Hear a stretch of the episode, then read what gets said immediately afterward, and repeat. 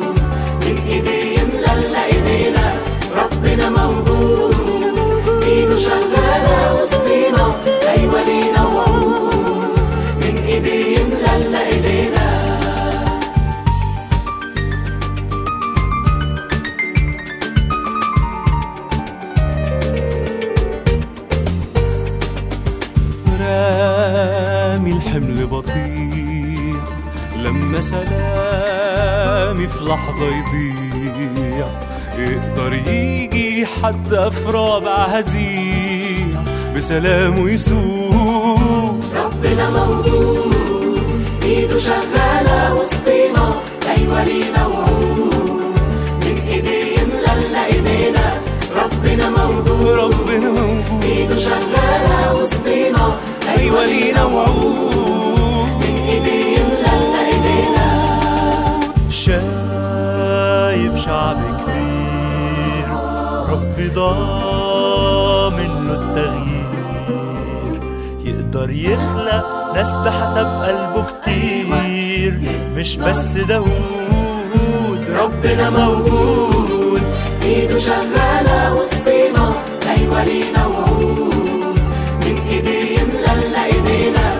ربنا موجود. ربنا موجود. ايده شغالة وسطينا أيوه لينا وعود من ايديه يملى إيدينا. صوتي يرنم ليه ده اخد نوتي وشالوا عليه. اللي فداني هغني أغاني ليه بربابه موجود ربنا موجود. ربنا موجود. ايده شغالة أيوه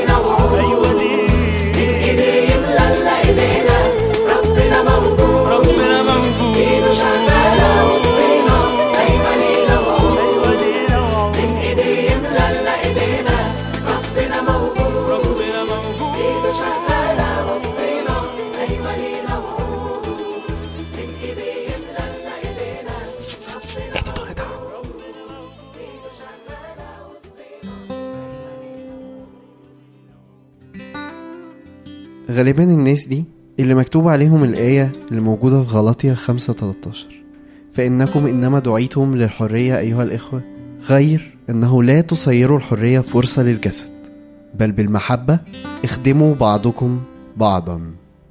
في رسالة غلطية رسالة الحرية بعد ما بولس الرسول بيكلم أهل غلطية وبيفهمهم إزاي هما بقوا أحرار من الخطية أحرار من التوقعات أحرار من كل حاجة أحرار حتى من الدين. لكن في الآخر بيقول لهم إنما أنتوا دعيتوا للحرية أيها الإخوة غير إن لا تصيروا الحرية فرصة للجسد بل بالمحبة اخدموا بعضكم بعضا. إحنا النهاردة جايين نتكلم عن الخدمة. وأول حاجة هنتكلم عليها هي نماذج لبعض الخدام من الكتاب المقدس. شوية ناس نفذوا الآية اللي إحنا لسه قايلينها وشوية ناس ما نفذوهاش قوي. فأول حد عندنا النهاردة هنتكلم عليه هو قديس أندراوس ومعظم الناس لو سألناها مين القديس أندراوس مش بيبقوا عارفين قوي يردوا لأن هو بصراحة يعني ما عملش حاجة مميزة قوي بالنسبة لنا. القديس أندراوس كان واحد من ال 12 تلميذ. اسمه لما كان بيتكتب في التلاميذ كان عمره ما بيبقى في الأوائل. لما بنيجي نفكر في الدايرة القريبة من يسوع المسيح على طول بيجي في مخنا يوحنا بطرس يعقوب. لكن عمره ما بيجي في مخنا أندراوس. مين هو أندراوس؟ عمل إيه؟ أندراوس كان واحد من تلاميذ يوحنا المعمدان. ويوحنا المعمدان شاور له على المسيح وقال لهم روحوا دوروا على المسيح لأن هو أقوى مني بكتير. أندراوس ويوحنا ابن زبدي هما الاتنين كانوا تلاميذ يوحنا المعمدان. ولما راح أندراوس ووجد المسيح لقاه عمل حاجة غريبة أوي. مكتوب كده في يوحنا واحد آية 41 هذا وجد أولا أخاه سمعان فقال له قد وجدنا مسيا الذي تفسير المسيح. راح لأخوه بسرعة قوي وقال له إحنا وجدنا المسيا. تعالى شوف الخبر الحلو. معظمنا برضو ما يعرفش مين أخو أندراوس أخو أندراوس هو بطرس. بطرس اللي بعد كده اللي عمل أول وعظة اللي جاب فيها 3000 نفس. مفيش رسائل لأندراوس في الإنجيل بس في رسائل لبطرس. واللي قرأ رسائل بطرس غالبا هيكون شاكر لبطرس جدا وحاسس بقد إيه دوره مهم قوي في حياته في إن هو كتب عن نعمة ربنا بالطريقة دي وادانا نصايح في إزاي نطيع القادة بتاعتنا وادى القادة بتاعتنا نصايح إزاي يعاملونا وعلمنا حاجات كتير قوي بس لو أنت حاسس إنك مديون لبطرس لتعليمه ففي الحقيقة أنت مش مديون لبطرس بس أنت كمان مديون لاندراوس أخوه اللي أول ما سمع عن المسيح أول حاجة راح عملها إن هو راح قال لأخوه بجد خادم مش ظاهر خادم مش باين. في سورة العشاء الرباني أندراوس بيقف على الشمال خالص. يمكن كمان هو اللي يكون عايز يشيل الكاميرا حتى ما يطلعش في الصورة. تاني نموذج هنتكلم عليه من نماذج الخدام هي العذراء مريم. العذراء مريم كانت صغيرة قوي في السن فكانت خاضعة للستات اللي أكبر منها وكانت فقيرة فكانت خاضعة للأغنياء وكانت عايشة في الناصرة وفي الضواحي. لدرجة إن إحنا لو حاولنا ندور على أي حد في السلم الاجتماعي أقل من العذراء مريم بجد مش هنلاقي. لكن غريبة قوي إن في النسل الطويل قوي من داوود للسيد المسيح كان في ناس كتير قوي الله يقدر يستخدمهم غير مريم وممكن يكونوا كانوا بيبانوا إنهم أحسن منها. وبتخيل كده إن أكيد الملاك وهو جاي يوصل لها رسالة وأول ما ربنا روح قال له وصل الرسالة دي لمريم نزل وبص على البيت الفقير اللي هي عايشة فيه ويمكن العذراء مثلا كانت بتغسل المواعين أو حاجة وتردد مثلا أو قعد يهرس في دماغه وقال فعلا هي دي يا رب اللي هتيجي عن طريقها. بس اللي أنا متأكد منه إنه هو ماشي فهم ليه الله اختارها. كان عارف السبب والسبب هو كان ردها للشيء الرهيب اللي هو طلبه منها. أول ما الملاك قال لها أنتي هتحملي وهتلدي ابن وهتكوني عذراء قالت له إزاي وأنا ما اتجوزتش؟ قال لها مالكيش دعوة. هتحملي من الروح القدس فاهمين الطلب صعب قد إيه؟ فاهمين إزاي بنت صغيرة يطلب منها الطلب ده؟ فاهمين لو الطلب ده اتطلب من أي حد فينا إحنا هنقول إيه؟ حط نفسك مكانها عشان تحاول تفهم. المبهر أكتر ردها. الرد اللي هي قالته اللي يفسر ليه الله اختار العذراء بالذات. فقالت مريم هوذا أنا أمة الرب. ليكن لي كقولك فمضى من عندها الملاك بس المرة دي مضى وهو عارف ليه ربنا اختارها ليه اختار مريم بالذات. عشان هي أمة الرب عشان هي بتشوف نفسها إنها عبدة حقيقية لله. تالت مثل هنتكلم عنه هما اتنين إخوات كلنا عارفينهم كويس يوحنا ويعقوب. يوحنا ويعقوب اتنين من التلاميذ. وحصل قصة ظريفة قوي في متى 22 آية 20 هنقراها مع بعض.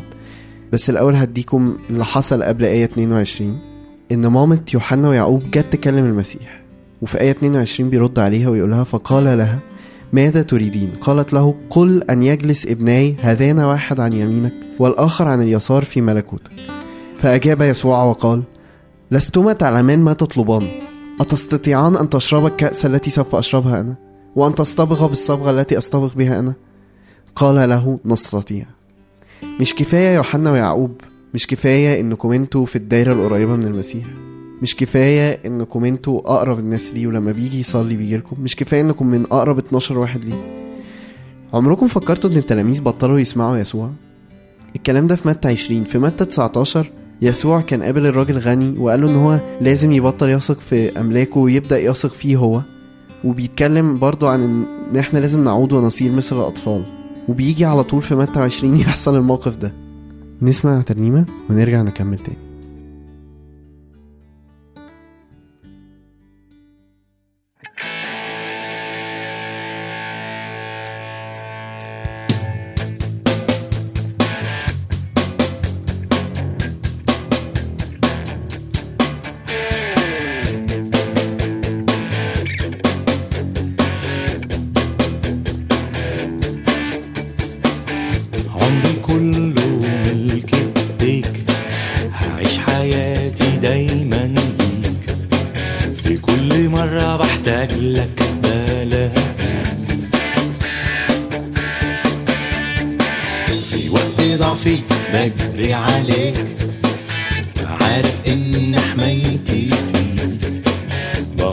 koskutlik, ja már.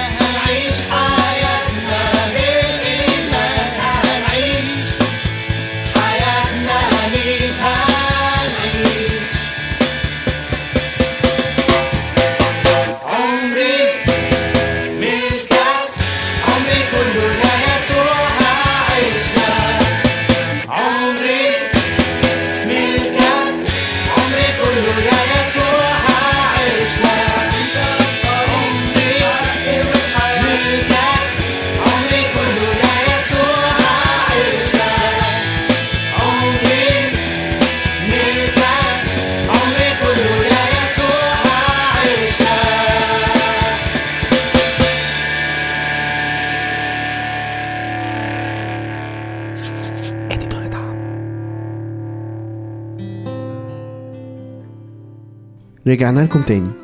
كنا بنتكلم عن نماذج الخدمة ودي أول حاجة اتكلمنا عليها النهاردة. تاني حاجة هنبدأ نتكلم فيها عن الخدمة النهاردة هو مفهوم الخدمة. اللي موجود في الرد بتاع يسوع على يوحنا ويعقوب. والكلام ده موجود في متى 20 آية 26 بل من أراد أن يكون فيكم عظيما فليكن لكم خادما. ومن أراد أن يكون فيكم أولا فليكن لكم عبدا.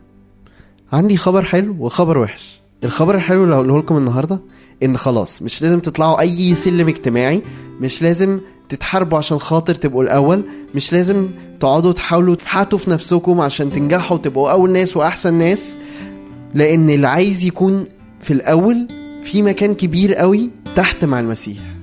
يحط نفسه في الآخر مع المسيح. في مكان كبير جدا محدش بيتخانق عليه خالص. عايز تكون اولا؟ حاجة حلوة.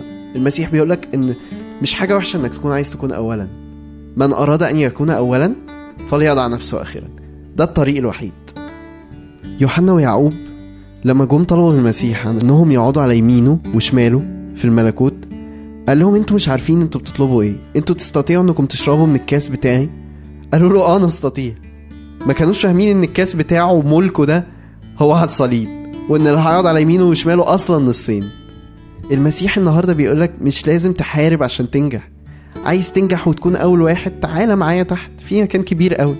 خليك عبد للكل الخبر الوحش. مش معنى إنك بتروح الكنيسة تخدم إنك خادم. لا. مش معناها كده. مش معنى إنك كل يوم تلات مواظب على الاجتماع إنك بتخدم. مش معنى إنك بتخدم في اتليست تلات أماكن وبتروحهم بانتظام إنك بتخدم. لكن معنى الخدمة هو إنك من أراد أن يكون اولا فليضع نفسه اخرا هو ده معنى الخدمة. مش معنى الخدمة هي خدمة عشوائيات بتاعت يوم الخميس ولا خدمة اجتماع الشباب بتاعت يوم الجمعة ولا خدمة الكورال بتاعت يوم السبت. معنى الخدمة هي اللي المسيح بكل بساطة اداها انزل واغسل الرجلين. هي دي معنى الخدمة. الخدمة مش مكان بنروحه الخدمة اسلوب حياة بنعيشه. المكان اللي انت بتروحه ده بتروحه عشان هدف معين أو رؤية معينة ربنا اداها لك. لكن الخدمة الخدمة دي بتعملها عشان خاطر تستبق على صبغة المسيح. تعملها إزاي؟ انك تحط نفسك في الآخر في كل حاجة. نسمع ترنيمة ونرجع نتكلم إزاي نقدر نعمل ده بجد.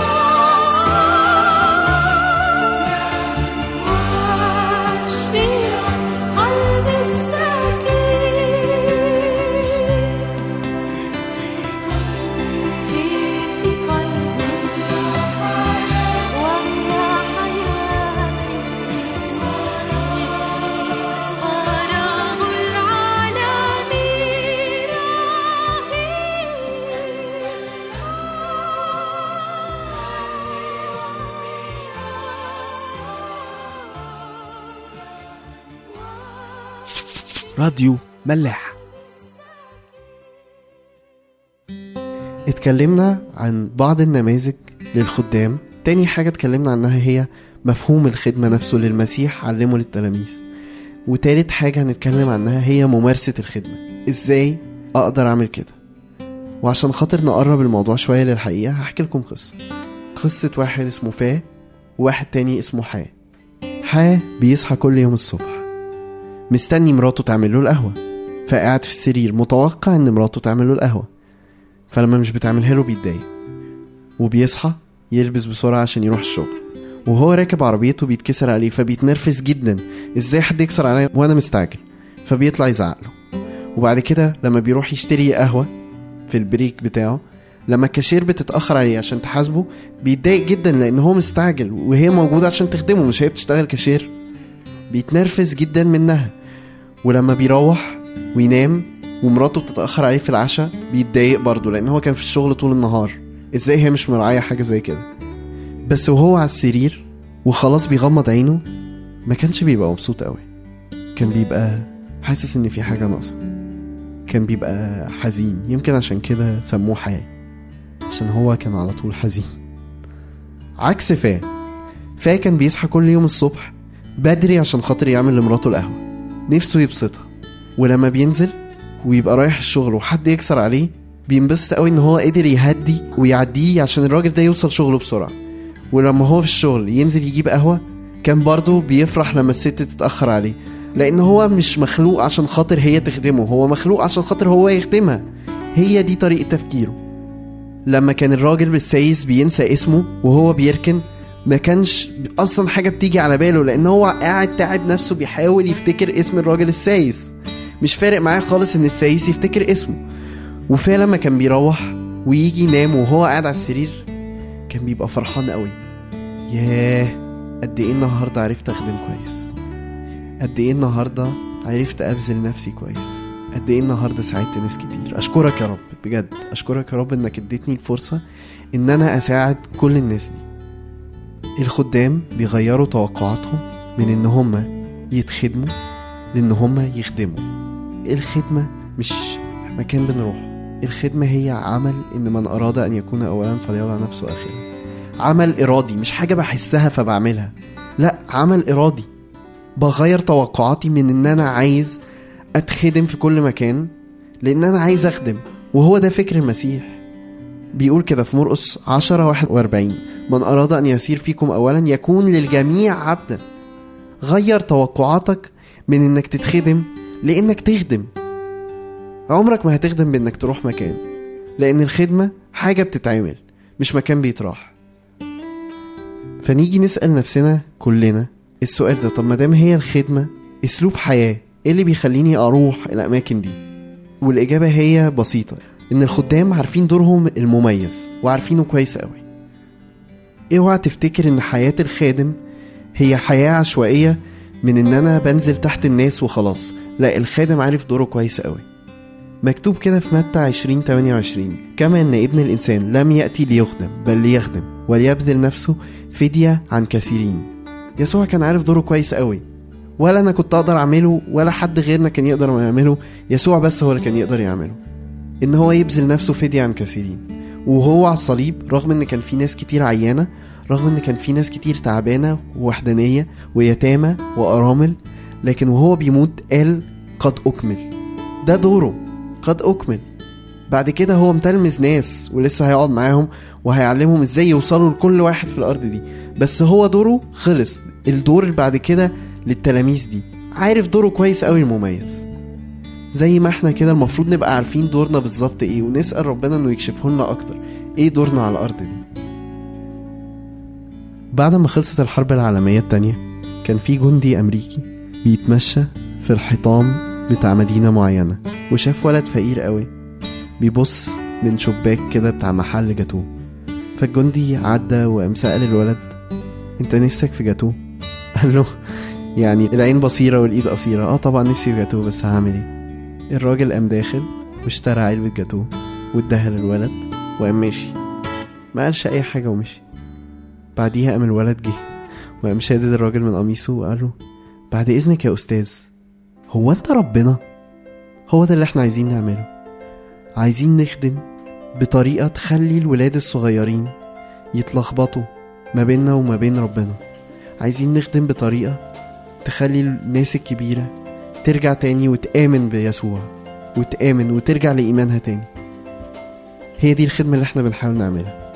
هي دي رسالتنا على الأرض. نسمع آخر ترنيمة ونشوفكم الخميس الجاي.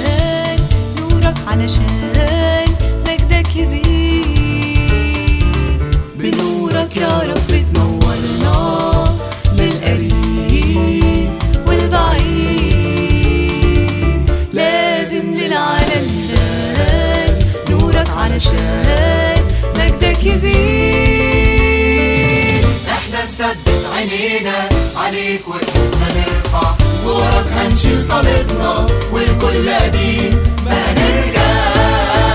مفيش حاجة مفيش مطلع من غير ما بتاع تسنو في ناس كتير